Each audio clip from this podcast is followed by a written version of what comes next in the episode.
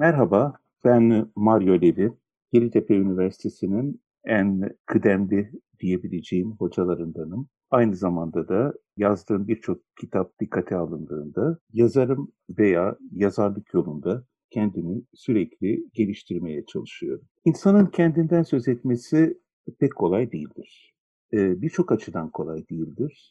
Bazı durumlarda neler söyleyebileceğinizi bilemezsiniz. Bazı durumlarda da bazı e, hayatınızla ilgili ayrıntıları vermekten çekinebilirsiniz.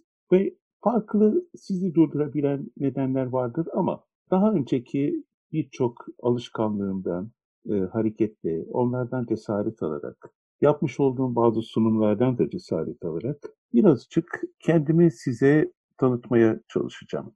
Bana 1957 yılında İstanbul'da doğduğum söylendi. O gün bugündür ben hep bunu söylüyorum. 1957 yılında İstanbul'da doğdum. Yani anlayacağınız bu tarih doğrudur veya değildir. Ben başkalarının yalancısıyım. Çocukluğum İstanbul'da Şişli, Osman Bey, Feriköy, Pangaltı, Teşvikiye, Nişantaşı çevrelerinde geçti, Kurtuluş'ta geçti. Orada hem ailem vardı, hem ailemin öteki bireyleri, hem arkadaşlarım.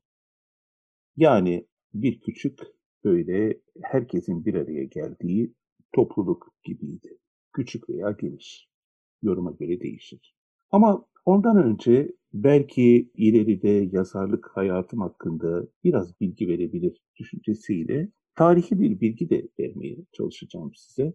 Atalarım 1492 yılında İspanya'dan hangi şehirden olduğunu bilmiyoruz. Toledo'dan olduğunu varsayıyorum sadece. İspanya'dan Osmanlı topraklarına gelmişler. 1492 yılında ki Gırnata fermanı o günlerde bütün İspanya'ya hakim olan Katolik kralların çıkardığı bir fermandı ve yüzyıllarca aynı coğrafyada yaşamış olan Yahudilerin ve Müslümanların ülkeyi terk etmelerini öngörüyordu. Bu kaçınılmaz bir durumdu. Ancak din değiştirebilenler, din değiştirmeyi kabul edebilenler, yani Müslümanlıktan e, Katolikliğe veya Musevilikten Katolikliğe geçmeyi kabul edebilenler kaldı. E, bunu kabul etmeyenler içinse göç veya daha doğru bir deyişle sürgün yolu gözüktü. E, İspanya'da kalanlar, e, işte Müslümanlar e, genelde buna din değiştirmiş anlamına gelen İspanyolca'da bir söz vardır. Converso dediler. Müslümanlar e, müdeccen adını aldı. E, Museviler de Marranos adını aldı. E, bunlar din değiştirenlerdi. Anlaşıldığı kadarıyla benim ailemin uzak bireyleri, en eski bireyleri, atalarım bile diyebilirim, din değiştirmeyi kabul etmeyenlerden olmuşlar. Ki ülkeyi terk etmeyi göze almışlar. Tabii acı verici bir durum, hiç şüphe yok ki. Çünkü ta Vizigotlardan bu yana o topraklarda kalmışlar Yahudiler. Yani bu e, bin yıllık bir, neredeyse bin yıllık bir e, varlık demekmiş. Büyük bir şok tabii bu. Sonra işte Osmanlı topraklarına geliniyor. Ee, Osmanlı topraklarında farklı yerlere yerleşimler olmuş. Balkan ülkelerine e, öncelikle e, ve aynı zamanda tabii payitaht yani artık e, İstanbul. Benim bildiğim kadarıyla ailem İstanbul'a yerleşenlerdenmiş e, ve yine ulaşabildiğimiz e, veriler doğrultusunda konuşacağım. E, Hasköy'e yerleşmişler. Yani eski İstanbul, İstanbul'un kalbi diyebileceğimiz yere. Böyle ben buraya e, sur içi Has İstanbul diyorum. Ondan sonra da hayat akıp gitmiş. Kuşaktan kuşağa bir varlık aktarılmış, bir din aktarılmış aynı zamanda da bir dil aktarılmış. Bu dil eski İspanyolca ve bana kadar gelmiş bir dil bu. e, ben 1957 yılında doğduğumda demek ki baya bir 450 yıl kadar kuşaktan kuşağa hep aktarılmış. Bu dile e, biz aramızda İspanyolca deriz ama e, dışarıdan bakıldığında Ladino denir. Ladino tamamıyla Osmanlı toprakları dahilinde oluşmuş bir dildir. Çünkü hem eski İspanyolca yani 15. yüzyıl İspanyolca kimliğini sürdürmüştür hem de aynı zamanda başka dillerden etkilenerek kendisini geliştirmiş ve değiştirmiştir. Bu diller arasında e, Rumca da vardır, Fransızca da vardır, Türkçe de vardır. E, hatta Ladino dilinde Türkçe çok kelime bulunur. İspanyollaşmış halleriyle bulunur. Birkaç örnek verecek olursam, örneğin kömüre kimur denir, kutuya kuti denir ve böyle yerleşmiştir ve bugün böyle de konuşulur bu dil. Böyle konuşulur dememe bakmayın. Çünkü kuşaklar arası e, aktarım e, bizden sonra kesildi. Yani bizim kuşak 1950'li yıllarda doğanlar, hatta 60'lı yıllarda doğanları da katabiliriz buna. Evde bu dili öğrenen e, son kuşaktır. E, bunun da açıklanabilir bir sebebi vardır. O da şudur. E, biz bu dili anneannelerimizden ve babaannelerimizden öğrendik. Onlar Osmanlı kadınlarıydı. E, hepsi henüz daha Cumhuriyet doğmadan bu dünyaya gelmişlerdi. Mesela babaannem 1910 doğumluydu. Anneannem de 1904 doğumluydu. Şimdi onlar bir eğitim almak yani Türkçe eğitim almak gibi bir zorunlulukları olmadığı için Türkçeyi iyi öğrenememişlerdi. İkisi de Fransızca biliyordu. Çünkü Fransızca eğitim veren okullara gitmişlerdi. Ama aynı zamanda da her ne kadar Fransızca eğitim almışlarsa da aralarında İspanyolca konuşuyorlardı. Ve Türkçeyi bilmiyorlardı. İyi bilmiyorlardı daha doğrusu. Biliyorlardı ama iyi bilmiyorlardı. Ve çok aksanlı konuşuyorlardı. İşte e, onlar bu yüzden bizimle, torunlarıyla iletişim kurabilmek için eski dillerini yani kuşaklar arası aktarılmış olan dili bize aktardılar. E, ve böylelikle biz bu dili tüm doğallığı içinde öğrendik. Aslında İspanyolca idi bu dil. E, sadece değişimlere uğradı. İlerleyen yıllarda bir başka yabancı dil daha öğrenmem söz konusu olduğunda onun nasıl olduğunu size anlatacağım. İşte o zaman çağdaş İspanyolcayı öğrenmem gerekti. Bugün konuşulan İspanyolcayı öğrenmem gerekti ve çok kolay öğrendim. Çok çok kolay. Yani adeta bir e, ana dilin e, değişmesi gibiydi. Bu yüzden hep şunu söylerim. İspanyolca benim yabancı dillerimden değildir. Ana dillerimden biridir. Aynı şekilde evde Fransızca eğitime çok önem veren ve hayatlarının bir dönemini 1930'lu yıllarda 5 yıllarını e, Paris'te geçirmiş olan ve dolayısıyla Fransızca ile çok yakından haşir neşir olan anneannem ile dedem de e, bana yine evlerinde Fransızca öğrettiler. Dolayısıyla ben üç ana dilli bir çocuk olarak büyümeye başladım.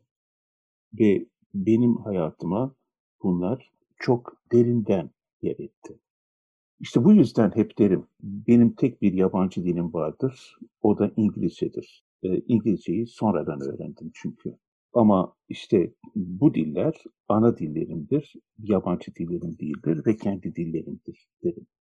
Çünkü işte anneannemle, dedemle Fransızca konuştum evde, an, babaannemle İspanyolca konuştum, annem babamla da Türkçe konuştum.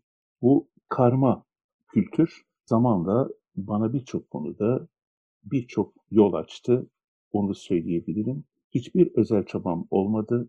Bunları birer armağan olarak gördüm ve bu armağanı bana verenlere hayatım süresince müteşekkir kaldım. Gelelim o çocukluk yıllarına. İşte e, Şişli, Osman Bey, Feriköy, Kurtuluş, işte Teşvikiye falan demiştim size. Orada bir devlet ilkokuluna gittim. E, Şişli 19 Mayıs ilkokuluydu. Ardından e, bir Fransız okuluna gittim. Saint Michel Lisesi'ne. İşte biri Şişli'deydi, öteki Osman Bey'deydi derken bütün e, hayatımın çok önemli bir bölümü 18 yaşıma kadar hep bu çevrede geçti. Hatta e, bu çevrelere baktığımda kendime hep şunu söylerim. Neredeyse her metresinde bir başka anım vardır. Dediğim gibi ailenin farklı bireyleri bu bölgenin içindeydi. Yani ailenin farklı bireyleri derken gözünüzün önüne gelsin diye söylüyorum. Anneannem dokuz kardeş, dokuz kardeşten biriydi sadece. Onlar dokuz kardeştiler. Dolayısıyla onlar kız kardeşler, erkek kardeşler, onların çocukları, sonra onların torunları derken böyle bir geniş bir e, aile oluşmuş oluyor. Öte yandan işte ergenlik çağı, gençlik çağı büyüyorsunuz. İşte Saint Michel Lisesi'ne gidiyorsunuz. Bütün arkadaşlarınız neredeyse ama hakikaten öyle yani. Bütün arkadaşlarınız aynı bölge içinde. E ne oluyor? Okula gidiyorsunuz, geliyorsunuz. O günlerde işte aynı kafelere gidiyorsunuz. En çok hatırladığım o günlerden sinemalardır. Sinemalara gidiyorsunuz, tiyatrolara gidiyorsunuz, konserlere gidiyorsunuz ve hepsi ama hepsi aynı bölge içinde. E, dolayısıyla öyle olunca bölge sizin deninize işliyor. Elbette ara sıra gidilen bir Beyoğlu, bir İstiklal Caddesi vardı. Elbette hafta sonları arada sırada gidilen e, ne bileyim bir Rumeli Hisarı vardı, Sarıyer vardı, Büyükdere vardı, Emirgan vardı. O, o günler de benim hayatımda çok derin bir yer etmiştir. Çünkü biz arabayla gidilirdi oraya.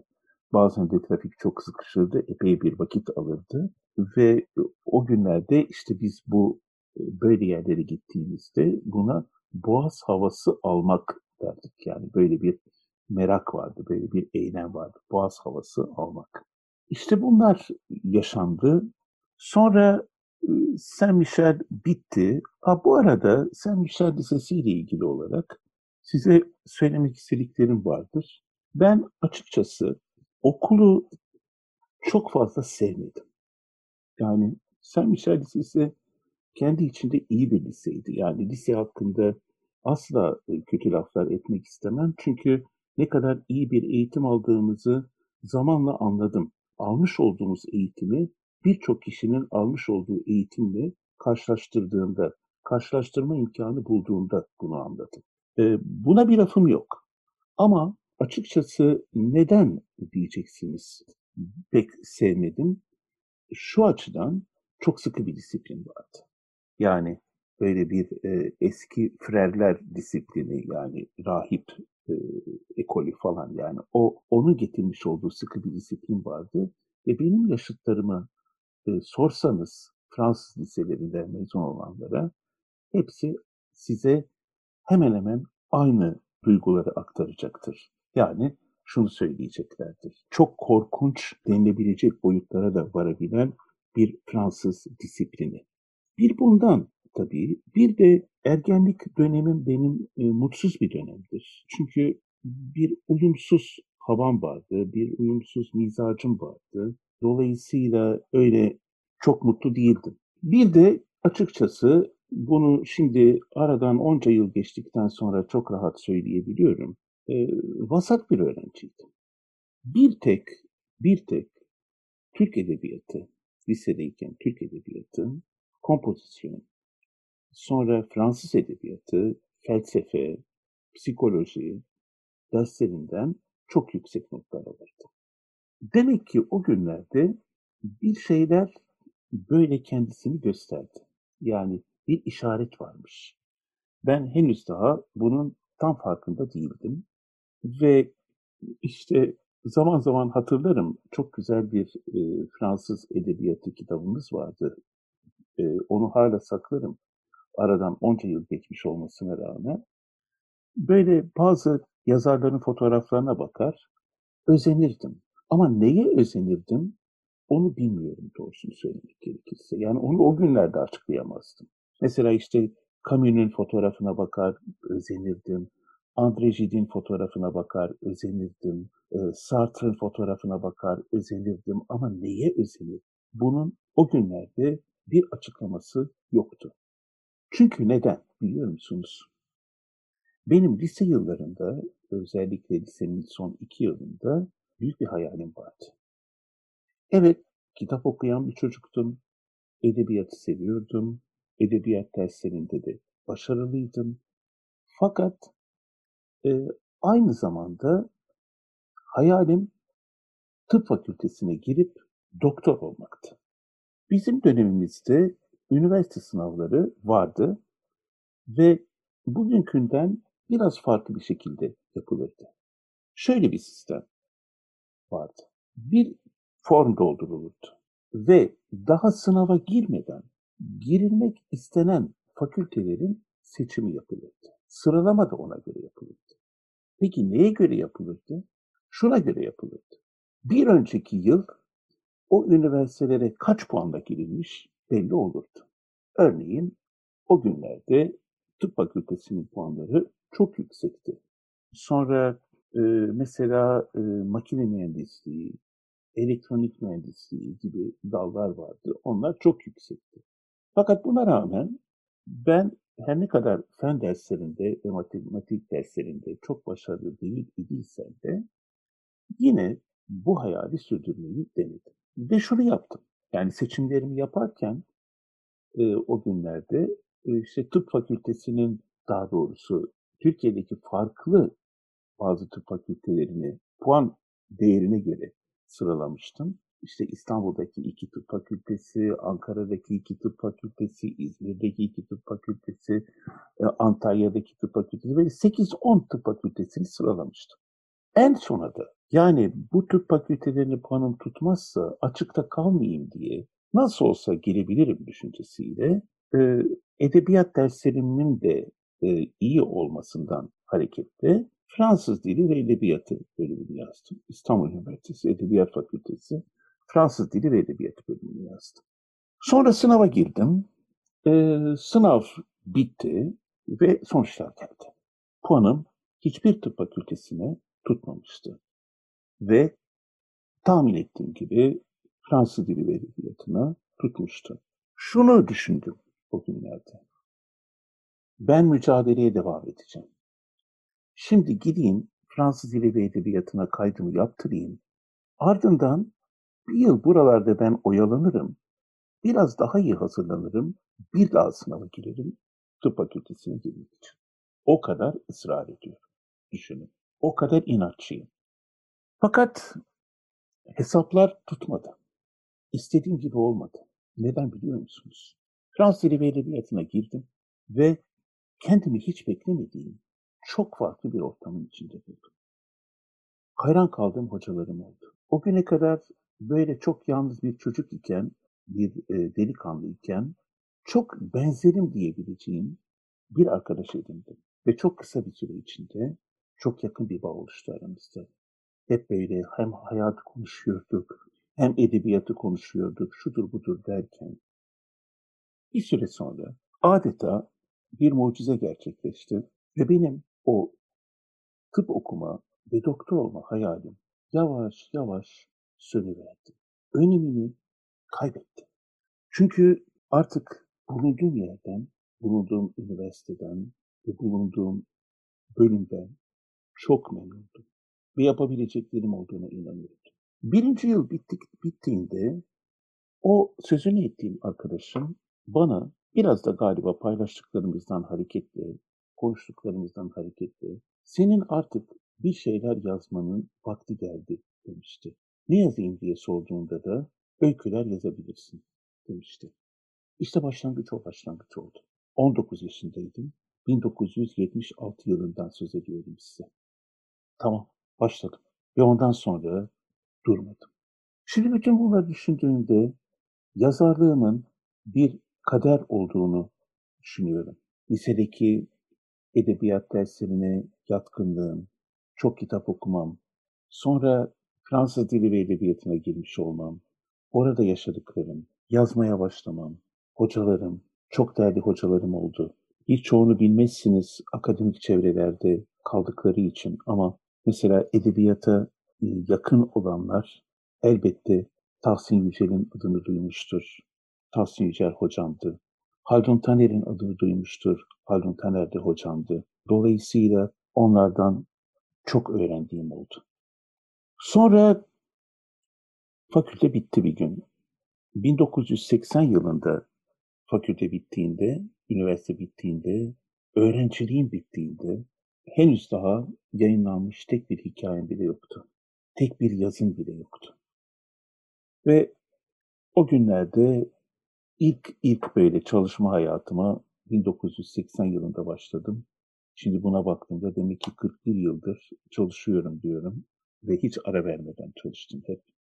Beyoğlu Anadolu Lisesi'nde Fransızca öğretmenliği yapmaya başladım. Çünkü yani Fransız dili ve edebiyattan mezun olduğunuzda ya profesyonel çevirmen olabiliyordunuz ya da bir lisede öğretmen olabiliyordunuz, Fransızca öğretmeni olabiliyordunuz. Ben de mezun olduğum bölümün gereğini yaptım ilk yıl. Unutulmaz anılar yaşadım o yıl. Benim hayatımda çok önemli izler bıraktı. O günlerde öğrencim olan küçük kızlar, şimdilerde artık olgun, yetişkin, kendi e, mesleklerinde başarılı kadınlar oldular. Zaman zaman yollarımız çatışıyor. Beni hala unutmadıklarını söylüyorlar. Bu çok güzel bir duygu. Ama ben devam etmemeyi tercih ettim. Yani Fransızca öğretmenliğine devam etmemeyi tercih ettim. Ve bir arayış içindeydim. Dedemin bir ticari işi vardı, bir ithalat mümessili işi. Onu yapmaya başladım. Ee, çok sevmedim yaptığım işi. Ama yazdım. Bu arada unutmadan söyleyeyim, benim okuduğum bölümün tam adı Fransız ve roman dilleri ve edebiyatları bölümüydü. Bu roman dilleri demek, bilmeyenler için söyleyeceğim, e, Latin dil, Latince kökenli diller demek. E, bunlar işte Fransızcanın dışında İspanyolca, Rumence, İtalyanca, Portekizce, bugünün Katalancasını vermiş olan Provansal dediğimiz dil bu diller. Ve e, roman dilleri bölümünde okuduğumuz için benim e, bir yabancı, ya bir roman dili daha öğrenmem ve o konuda çalışmalar yapmam gerekiyordu. Genelde İtalyanca seçilirdi bizim bölümde. Ben hiç tereddüt bile etmeden İspanyolcayı seçtim. Ve o günlerde çok iyi İspanyolca bilen bir hocam vardı. Profesör Mesteren Birvana. E, hiç unutmam. Ondan çok şey öğrendim. Onunla çalıştım.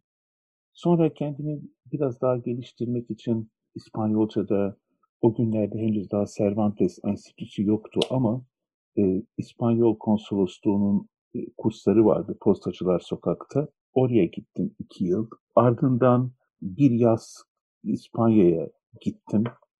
Orada dört ay e, işte bir dil kursuna gittim. İki ayda sırtımda çanta e, bütün İspanya'yı neredeyse dolaştım. Yani açıkçası gençlikte yapılabilecek şeyleri yaptım. Bu tabii benim bir dönemime mal oldu. Sınavlara girmedim çünkü. Ve ama hiç de pişmanlık duymam bundan. Çünkü o günlere dair çok şey öğrendiğimi söyleyebilirim. 1978 yılıydı hiç unutmam.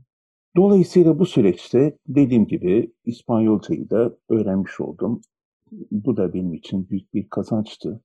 Ondan sonra 1984 yılıydı. Bir ara vermiştim ben yazmaya. Hala yayınlanan tek bir yazım, tek bir öyküm, tek bir kitabım, hiçbir şeyim yok. Ve siz gelin görün ki artık buna bir buluşma mı dersiniz, bir tesadüf mü dersiniz bilemem. Ben buluşma demekten yanayım. Çünkü tesadüflere inanmıyorum. Bir e, otobüs durağında yıllardır görmediğim bir gençlik arkadaşı yani bir ergenlik arkadaşımın kardeşiyle karşılaştım. Ne haber nasılsın falan filan e, bir hal hatır sorma faslından sonra bana dedi ki ya işte bizim cemaatimiz işte Yahudi cemaati dedi. Gençlerin elinde işte yeni bir gazete çıkarıyor. Aslında eski bir gazete olan Shalom gazetesi. E, şimdi gençlerle birlikte yeni bir solukla e, yeniden yeni bir formatta yayınlanmaya başlandı. Haberin var mı dedi. Yoktu haberim. İşte dedi ki ben abimden senin kaleminin çok kuvvetli olduğunu hep duyardım. E, bizde yazı yazmak ister misin? Teklif buydu. Sene 1984. Ve ben 1984 senesinde bu teklifi değerlendirdim. Ve hiç unutmam, e, Nisan 1984'te ilk yazım yayınlandı. Bu yazı Kafka'nın Dönüşüm romanı üzerine bir denemeydi. Bu yüzden bu yazıyı yazarlık hayatımın başlangıcı olarak kabul ederim. Hiç bilemezdim bu başlangıcın bana birçok kapı açacağını ve e, açıkçası bana bir hayat, kendimi çok bulabileceğim bir hayat vereceğini. Bilemezdim. 2014 senesinde yazarlığımın 30. yılını Yeditepe Üniversitesi'nde kutlayacaktım. Çok görkemli bir kutlama oldu. Birçok yazar arkadaşım, Selim İleri'den Ayfer Tunç'a, Buket Uzuner'e, Doğan Hızlan'a kadar birçok e, yazar ve edebiyat dünyasında isim yapmış arkadaşım geldi oraya. E, yurt dışından yayıncılarım geldi. Yani çok beni e, mutlu eden bir etkinlikti. Ama oraya varmam, öyle bir yere varmam hiç kolay olmadı. 1986 yılında ilk kitabım yayınlandı.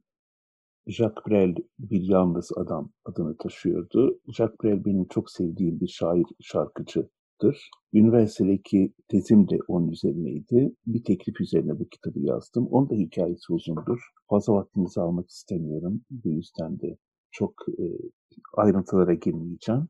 Ama hoş bir hikayesi vardır. Ondan sonra çeşitli gazetelerde ve dergilerde yazılarım çıktı. İşte Hokka dergisi, Milliyet Sanat, Gösteri, Argos, e, Cumhuriyet gazetesi, Cumhuriyet kitap şey e, Pazar Eki yani birçok yerde birçok yerde yazılarım çıktı. E, 1990 yılında da e, belki de yazarlığımın onaylanması diyebileceğim bir e, olay ile karşılaştım. Bir mutlu buluşma ile karşılaştım. Ve e, Bir Şehre Gidememek adındaki öykü dosyam e, Haldun Taner öykü ödülünü aldı 1990 yılında. Türk Edebiyatı'nda öykü dalında verilen en önemli ödüllerden biridir. Hala da öyledir benim gözümde. Tabii çok heyecanlandırıcı bir durumdu. E, çünkü size az önce dediğim gibi Haldun Taner benim hocamdı üniversitede ve çok sarsıcı bir buluşmaydı o. Ben o günlerde bir söz vermiştim kendime. Evet, yani madem böyle bir ödüle layık görüldüm, e, bu ödülü taşımayı bilmeliyim ve bu yolda ilerlemeliyim demiştim. İşte ondan sonra yaptığım tüm meslek seçimleri, ondan sonra hayatım adına yaptığım bütün tercihler, buna duygusal tercihleri de ekleyebilirsiniz. Hepsi, hepsi ama istisnasız yazarlığa göre oldu. Ve ben ondan sonra hep yazarlığa göre yaşamaya başladım. Ardından kitaplar geldi. Bugün baktığımda işte birkaç edebiyat ödülü var. Kimilerine göre önemli edebiyat ödülleri bunlar. Fakat doğrusunu söylemek gerekirse, e, bunu tüm samimiyetimle söylüyorum. E, bu ödülleri almanın değerini ve onurunu yaşamaya devam etmekle birlikte, bu ödülleri önemsemekle birlikte artık genel anlamda edebiyat ödüllerini hiç önemsemiyorum. Ve bu yüzden de son 5-6 yıldır hiçbir edebiyat ödülüne kitabımı göndermiyorum. Çünkü bunun bir değer taşımadığı kanaatindeyim artık. Çünkü ben benim için artık en büyük ödül bir yazar için bir kitabı yazabilmektir. Bundan daha fazlasını düşünemem. Ve umarım daha birçok ödül alabilirim. Böyle bakıldığında, bu açıdan bakıldığında bugüne kadar 15 ödül aldım. Yani yayınlanmış 15 kitabım var. Bunların biri bir biyografi, biri deneme, üçü hikaye, öykü kitabı. Böyle düşünecek olursa demek ki 10 romanım var yayınlanmış olan. Artık bir klasik olarak kabul edilen İstanbul Bir Masaldı 2000 e, yılında Yunus Nadi ödülünü almıştı. Ondan sonra yazmaya devam ettim hep. Yani 15 kitabımın yanında e, şu anda yazılmış bulunan e, 4 romanım daha var. Onlar da yayınlamayı bekliyor. Bu yazda şimdi 5. romanın üzerine yani yayınlanması beklenecek olan 5. romanın üzerine çalışıyorum. Verimli bir dönemimde olduğum kanaatindeyim. Ee, umarım hep böyle devam eder. Romanlarım bugüne kadar, kitaplarım diyeyim genelde, bugüne kadar 36 dile çevrildi. Bakalım bundan sonra ne olacak? Onu bekliyoruz. Hayat ne gösterirse gösterecek. Ee, Birçok meslek icra ettim. Bunun arasında işte dedemin ithalat, mümesilik işinin yanı sıra efendim işte radyo programcılığı yaptım. E, reklam yazarlığı yaptım. Gazetecilik yaptım. Onları çok anlatmadım size. Çünkü onlar da başka kapılar açıyor. Ama hayatımın önemli buluşmalarından birinden daha söz edebilirim. O da benim Yeditepe Üniversitesi'nde ders vermeye başlamam. 1997 yılında oldu bu. 1997 yılında bir davet aldım. O günlerde MBA, e, işletme yüksek lisans programı yeni kurulmuştu. Dışarıdan yani sektörden bazı parlak buldukları isimleri de ders vermek için davet ediyorlardı. Beni de öyle görmüş olmalılar. Bilmiyorum sebebini. Ve orada MBA programında Advertising Management adında bir ders vermeye başladım. Bu dersi kolaylıkla verebildim. Çünkü 4-5 yıllık bir reklamcılık deneyimim vardı. Ders vermeden önce birkaç e, doküman, birkaç kitap okumam yeterli oldu. Çünkü o kitaplarda, o dokümanlarda anlatılanları pratikten zaten öğrenmiş bulunduğumu ve bildiğimi fark ettim. Keyifli oldu. Ondan sonra MBA programındaki derslerimin başarısı başka seçenekleri getirdi. Benim bu sefer Consumer Behavior dersi vermek istendi. Onu da vermeye başladım. Ondan sonra dendi ki ya seni işte iletişim fakültesine de önereceğiz. Orada da reklam dersi ver dediler. Oraya orada ders vermeye başladım. Hiç unutmam oranın dekanı e, nurlar içinde yatsın Profesör Haluk Ülman bana çok büyük bir yakınlık göstermişti. Ama çok komik diyebileceğim bir gelişme daha oldu. O da şu, bir ders yılı bitti, işte ben advertising dersi veriyorum falan.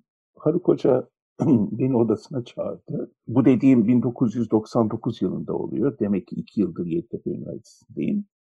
Bir de ne göreyim? E, masasının üzerinde e, yeni çıkmış olan İstanbul Bir Masaldı romanım duruyor. Böyle tatlı sert bir havada bana sen yazar olduğunu benden neden gizledin dedi. Estağfurullah hocam dedim yani öyle bir gizleme söz konusu değildi. E, sadece söylemeye çekindim dedim yani durduk yerden için söyleyeyim ki dedim. Yok öyle şey demişti öyle mütevazı olma demişti ben okudum sen Orhan Pamuk'tan bile iyi bir yazarsın demişti. Nurlar içinde yatsın. Neyse bunun üzerine Şey demişti bana, bak demişti, önümüzdeki dönemde koskoca bir yaz var önümüzde, git hazırlan, senden Creative Writing diye bir ders vermeni istiyorum dedi. Ben de adı hoşuma gitti ama bilmiyordum dersin içeriğini. Hocam bu nedir ya dedim. Ya uzatma lafı dedi. Git programları, Amerika'daki programları incele, İngiltere'deki programları incele. Verirsin sen bu dersi dedi. Dediğini yaptım. Ve gerçekten ciddi böyle bir inceleme e, işine giriştim. Hoşuma gitti yapılanlar. Kendi programımı oluşturdum. Kendi silabusumu oluşturdum. Hocanın onayına sundum. Çok hoşuna gitti. Ve ben 1999 yılında Creative Writing dersi vermeye başladım. Reklam derslerimin yanı sıra. Ve inanır mısınız? Hala bu dersi veriyorum. Aslında son e, bir yılda adı değişti. Storytelling adını aldı. Storytelling tabii daha günümüze e, yakışan bir e, ders. Birazcık içeriğini değiştirdim. E, günümüze adapte ettim. Günümüz beklentilerine adapte ettim. Ve bu sebeple de şu anda sadece iletişim fakültesi değil, bütün üniversiteden öğrencilerim var. Onlarla beraber olmaktan çok mutluyum. Yeditepe Üniversitesi bana bugüne kadar çok şey kattı. Bu yolu bana açan herkese gerçekten müteşekkirim. En başta bunu hep kendisine söylediğim için söylemekten çekinmeyeceğim. Bana birçok konuda, birçok konuda abilik yapmış olan Bedrettin Dalan'a müteşekkirim. Gerçekten onu bir abi gibi görürüm. O da eksik olmasın. Bunu her söylediğimde sen de benim kardeşimsin der. Yine bu vesileyle doğrusunu söylemek gerekirse unutamadığım, asla unutamadığım bir başka hocayı da anmak istiyorum. O da e, üniversitenin kurucu rektörü Profesör Ahmet Serpil'dir. Benim hayatımda çok çok önemli bir yeri vardır. Çok severim, çok sevmiştim daha doğrusu kendisini. Ve hep anma ihtiyacı duyarım. Birçok hoca geçti, e, birçok hocayı kaybettik, birçok hoca ayrıldı aramızdan. E, bugüne kadar hep yakınlık gördüm. Ahmet Hoca'dan sonraki e, Nurcan Hoca'dan da yakınlık gördüm. Şimdi çok sevdiğim ve sanırım duygularımız da hep karşılıklıdır. Canan Hoca'dan da çok büyük yakınlık gördüm. Unutamadığım hocalar da var tabii. Yani e, mesela bir dönem e, dekanlık yapmış olan İletişim Fakültesi'nde İlker Hoca da, İlker Bıçakçı da benim yakınlarımdan biridir. Hala devam eder. İşte e, şimdi İletişim Fakültesi'nde, Halk İlişkiler bölümünde bir aile gibiyiz. Çok yakınızdır birbirimize. Pelin Hürmeriç Hoca olsun, Billur Hoca olsun, hepimiz e, Özlem Hoca olsun. Yani e, adlarını hepsini bir bir sayamadığım için beni mazur görsünler. Bütün hocaların hayatımda özel bir yeri var. E, Yeditepe benim için bir ikinci adres gibidir. E, yani bir evim vardır, Moda'daki evim vardır. Bir de Yeditepe Üniversitesi vardır. Umarım daha uzun yıllar Yeditepe Üniversitesi'nde öğrencilerimle beraber olmaya devam edelim. Şu açıdan önemsiyorum bunu. Çünkü benim sadece Yeditepe Üniversitesi'nde derslerim yok. Aynı zamanda üniversite dışındaki saatlerimde yazı atölyeleri de düzenliyorum. E, farklı kurumlarda ve o yazı atölyelerinin de bana kazandırdıkları var. Bugüne kadar birçok yazar yetiştirdim bugün kitapları olan, kitapları yayınlanmış olan birçok yazar yetiştirdim. E, bu da benim için önemli. Çünkü e, ben edebiyatın bir miras olduğunu düşünüyorum. E, mutlaka aktarılması gereken bir miras olduğunu düşünüyorum. Sanırım hep böyle olması gerekiyor. Hep böyle olacak. Bu sebeple de uzun yıllar bu mirası taşımak, yani bana aktarılanları aktarma sorumluluğunu e, sonuna kadar taşımak için elimden geleni yapmak istiyorum. Kitaplar yazmaya devam edeceğim. Çünkü benim için en önemli olanı bu. Asıl önemli olanı bu hatta e, yazarlığın. Umarım hep böyle devam eder. Bu sebeple de belki ileride yine üniversitem için başka e, çalışmalar e, yapma işine gireceğim. Hepinize mutlu günler diliyorum, sağlıklı günler diliyorum ve en önemlisi edebiyat dolu günler diliyorum. Çünkü Marcel Proust benim ustalarımdan Marcel Proust'un dediği gibi gerçek hayat en nihayet aydınlatılabilmiş hayat edebiyattır. En azından ben buna inanıyorum. Bizim çok ustamız oldu. Onların izinden yürümeye çalıştık. Hala da çalışmaya, e, hala da yürümeye çalışıyoruz. Umarım bir gün birileri de benden aldıklarını e, başkalarına aktarma ihtiyacı duyacaktır. Herkese çok mutlu günler diliyorum.